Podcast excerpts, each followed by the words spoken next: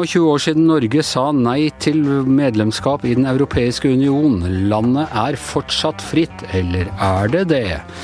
Og Frode Berg har vært på besøk i VG. Hør alt om det i denne utgaven av Gjevere og gjengen den 28. november.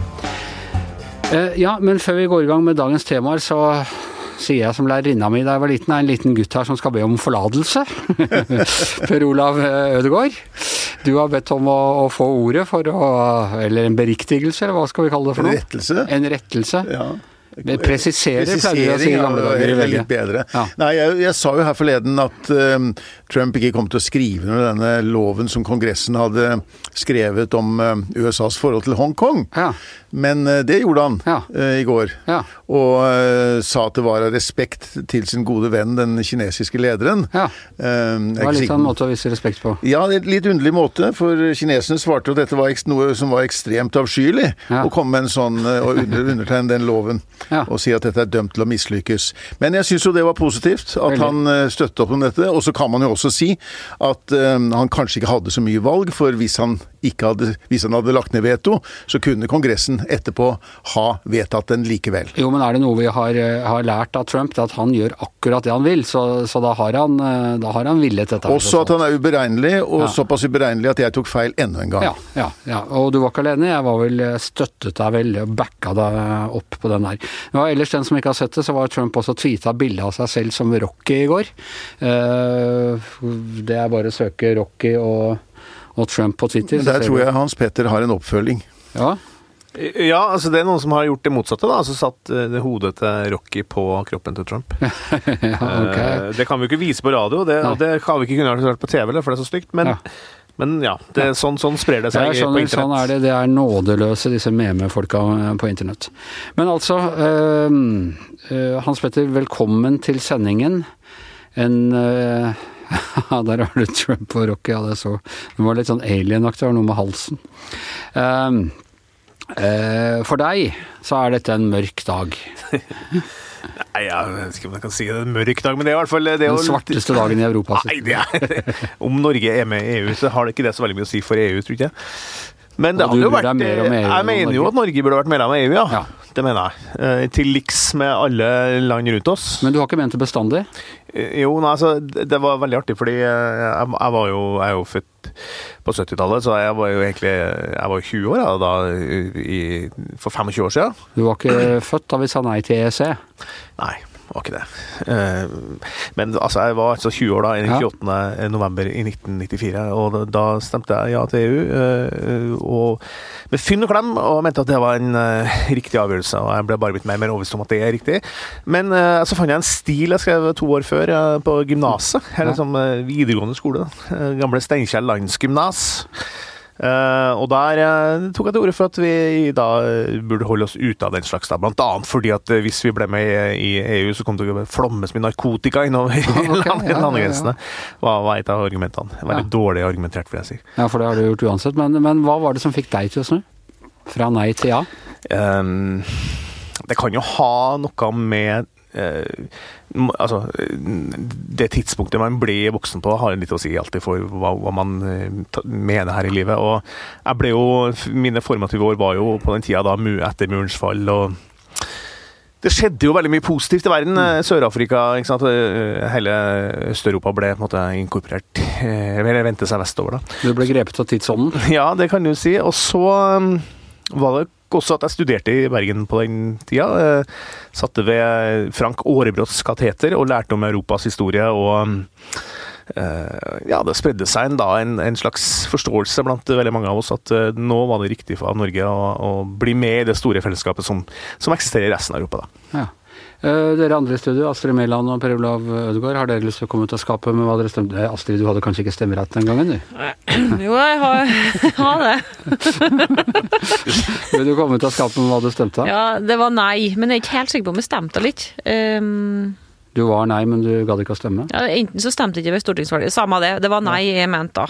Ja. Og jeg er jo egentlig fortsatt ganske glad for at vi ikke er f.eks. med i den økonomisk-monetære union, at vi har krona. Ja, hvorfor det?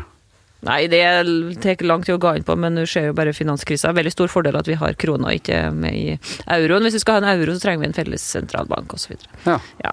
Men, men eh, Euroen går jo så det griner. av. Det er jo fantastisk sterk er eh, sånn. valuta. nå, nå tenkte jeg at jeg skulle eh, liksom bidra til egentlig.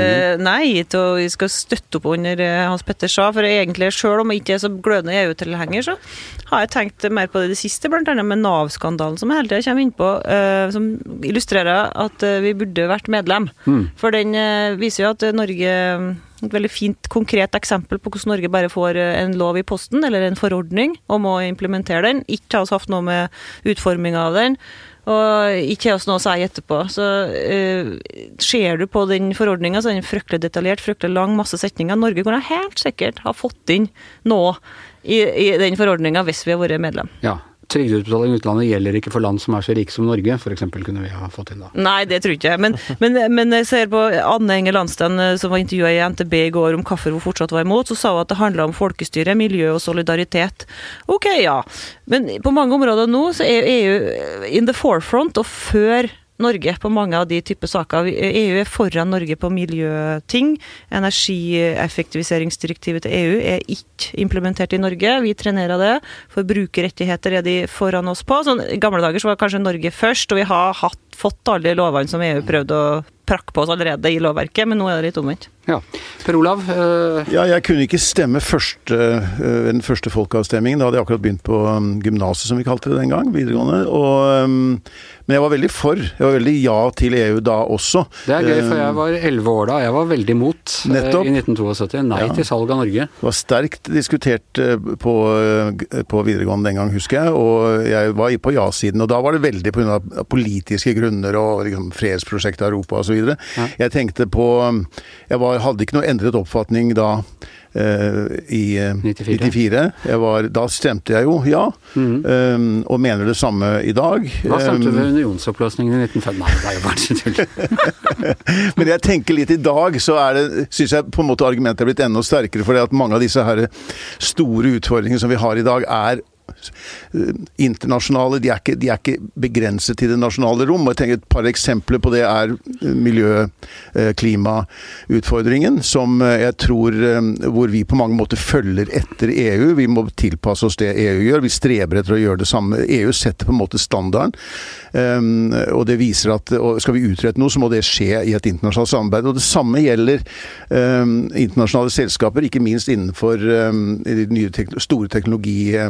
uh, multinasjonale selskapene innenfor teknologibransjen. Og ska, når det gjelder både Ja, Google og skattlegging Facebook, ja, Google og når det gjelder skattlegging, regulering osv. av det der, som Norge er veldig opptatt av, så må det også skje i et større sammenheng. Der også har EU en ledende rolle. Så jeg tror at, Og dette er saker som er viktige for venstresida f.eks. i Norge, men de, de sier altså fortsatt nei eh, til det samarbeidet som jeg tror vi kunne utrettet mest i. Norge er vel et av de få landene hvor liksom venstresida har hele tiden vært den Ja. aktive drivkraften mot EU. Ja, det er det. Det. Og jeg er jo helt, jeg er fullstendig enig med alt det Per Olav sier her. Ja, eh, når folk på venstresida i dag, sånn som eh, Klassekampens redaktør Bjørgus Brånen skriver at EU er et, er et oppskrift på mer markedsliberalisme, så samtidig som han er veldig fan av Boris Johnson, som mener at EU er altfor mye markedsregulering, så, så syns jeg det blir litt sånn topplø, eh, håpløst, egentlig, hele Så jeg tror at mye av EU Nå er ikke Bjørgulf Brånen her og kan forsvare seg. men han, han kanskje lagt fram på noe han annen måte. kan sikkert få svare på det på en annen måte. hvis han hører på det Men poenget mitt var, ja, var bare at jeg syns at uh, at jeg, tror, altså, jeg mener at mye av EU-motstand i Norge, sånn som jeg ser det, og det er subjektivt selvfølgelig, er, er, den er litt sånn nostalgisk. Da. Den er tilbake. De vant en, en, heroisk seier i 1972 og gjentok suksessen i 94. Fikk makta på, på gyngende grunn, og, og der tror jeg det er en slags sånn eufori blant en del folk. da. Uten, fordi det som, er, det, som er, det som er så påfallende når du sitter og jobber med og sitter og ser på det her, er jo at det er bare 25 år siden. Og det er jo et kvart århundre, det er ganske mye, men likevel, det er bare 25 år siden. Verden har jo endra seg helt totalt på de 25 årene. Altså, det har skjedd så eksepsjonelt mye de 25 årene her. Som, eh, som, eh, og det sånn som Per, Olav sier, det, det, og det er jo mye større grunn til å være eh, pro en, en, et sånt type prosjekt i dag, mener jeg, enn det var i 1994. Nå er det jo virkelig behov for overnasjonale strukturer. Man føler at vi mangler noen motstemmer her. fordi... Hva altså, er det du som er ja, nei, men altså, ja, Det er jo en haug med, med, grunner, og blant, blant annet uh, dette med Nav. da, ikke sant? At vi må rette oss etter ved å være ja, det, medlem av EØS. må rette oss ja, ja, jo, men uh, hadde vi, ikke, hadde vi, ikke, vært medlem av EØS heller, så hadde vi sluppet å rette oss etter noe. Vi har jo sagt fra oss mye sjølråderett mm. eh, ja.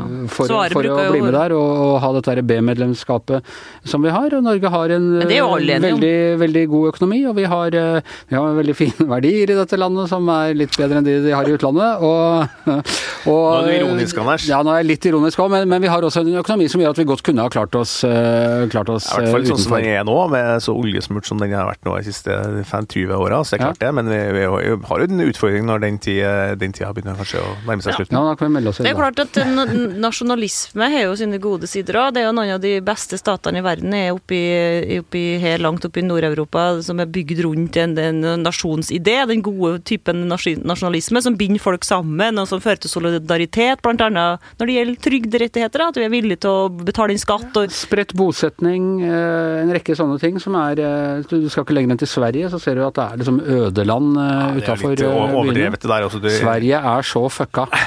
ja, men EU gir jo sånne distriktsmidler, da. Det er en ting de gir, pluss landbruksmidler, pluss miljømidler, da. Det er de jo for. Så jeg vet ikke om det tror det våre mindre Jeg syns det er veldig vanskelig å være den som skal være, skal være mot Men kan, kan si det, det, Tre mot én er feigt. Det er jo sånn nå at det viser at det, brorparten av eh, norske folk er ifølge meningsmålingene mot, veldig mot medlemskap i EU. Så det er jo ikke noe, ikke noe aktuell sak i den forstand akkurat nå. Uh, men, men, altså, hvis EØS-avtalen ikke kommer inn i 94, så kommer vi aldri inn, det er jeg helt sikker på. Det kan du si. Men i, hvis EØS-avtalen kommer i spill, og det var det Martin Sandbu, han Financial Times-kommentator, skrev i Aftenposten ganske interessant Hvis den virkelig virkelig kommer i spill, da blir det jo en mer medlemskapsdebatt i Norge. Det er jo ikke noe tvil om, fordi vi er jo avhengig av å ha et forhold til Europa uansett. Så hvis EØS-avtalen eh, blir i spill, så må vi diskutere medlemskapet. Men nå er jo at det er ganske og, mange og sterke krefter som mener at vi ikke trenger å ha EØS-avtalen heller. Ja, men... Nå, Der er jo ja-siden og nei-siden enige. enig. Den EØS-avtalen er jo illustrert godt nå med Nav-skandalen igjen, hvor mislykka det er, i hvert fall. Men samtidig er oppslutninga om EØS en ny måling i dag er kjempesterk, og, og også over 60 sier at vi må selvfølgelig være med fortsatt i, men, i EØS. Per Olav, du som har sett alle avstemninger siden Brennevinsforbudet, i det minste. Er, uh, kommer det et nytt uh, medlemskapsavstemning uh, for Norge noen gang, tror du?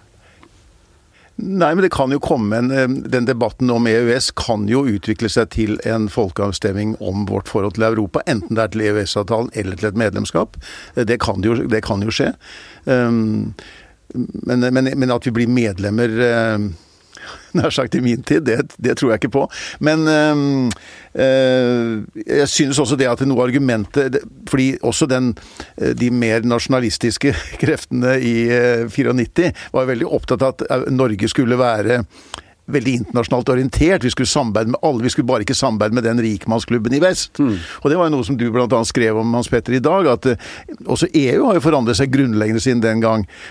Øst og vest er jo på en måte kommet sammen i i EU. Ja. Uh, og, og, nord, som, og, nord, og nord. også. Sverige Finland. Sverige og Finland som, så vi er jo på sett og vis vi, Vil jeg si at Et par av de der østeuropeiske medlemsstatene er kanskje ikke de akkurat lokomotivet for integrering i eh, Europa, men uh, de er ikke det, men, men, men, og, der kan man si at EU kanskje ikke gjør nok for å sette de på plass, men, og at man har, for, har gitt det litt for mye eh, spillerom. Men, det er likevel et korrektiv i, i EU til den, uheldige, den, negative utviklingen i noen av de landene i øst, eh, som i hvert fall en mulighet til å komme med sanksjoner og kanskje få de på bedre vei.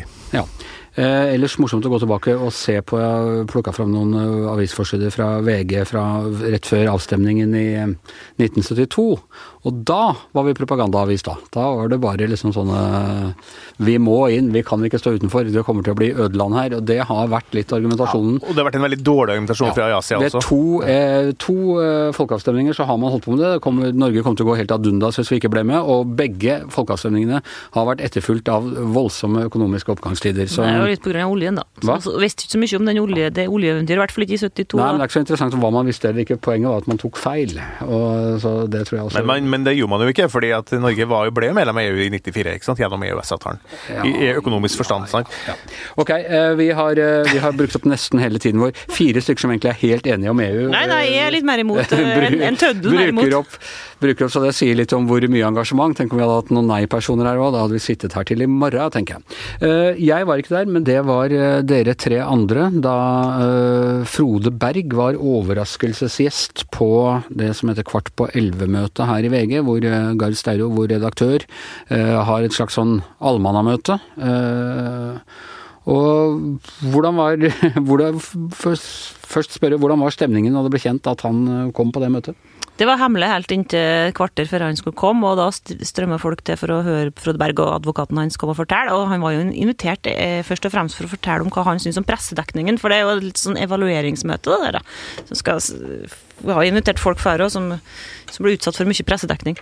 Frode Berg var ganske fornøyd med pressedekninga. Han eh, og advokaten hans har jobba hele tida for at det skulle blitt kjent, og, eh, fordi han følte seg ensom og glemt i Lefortov-fengselet i Moskva fortalte han, og han, eh, han var rørt til og med i dag når han begynte å snakke om eh, journalistene som kom, de første som kom eh, og fikk, han fikk kontakt med i fengselet.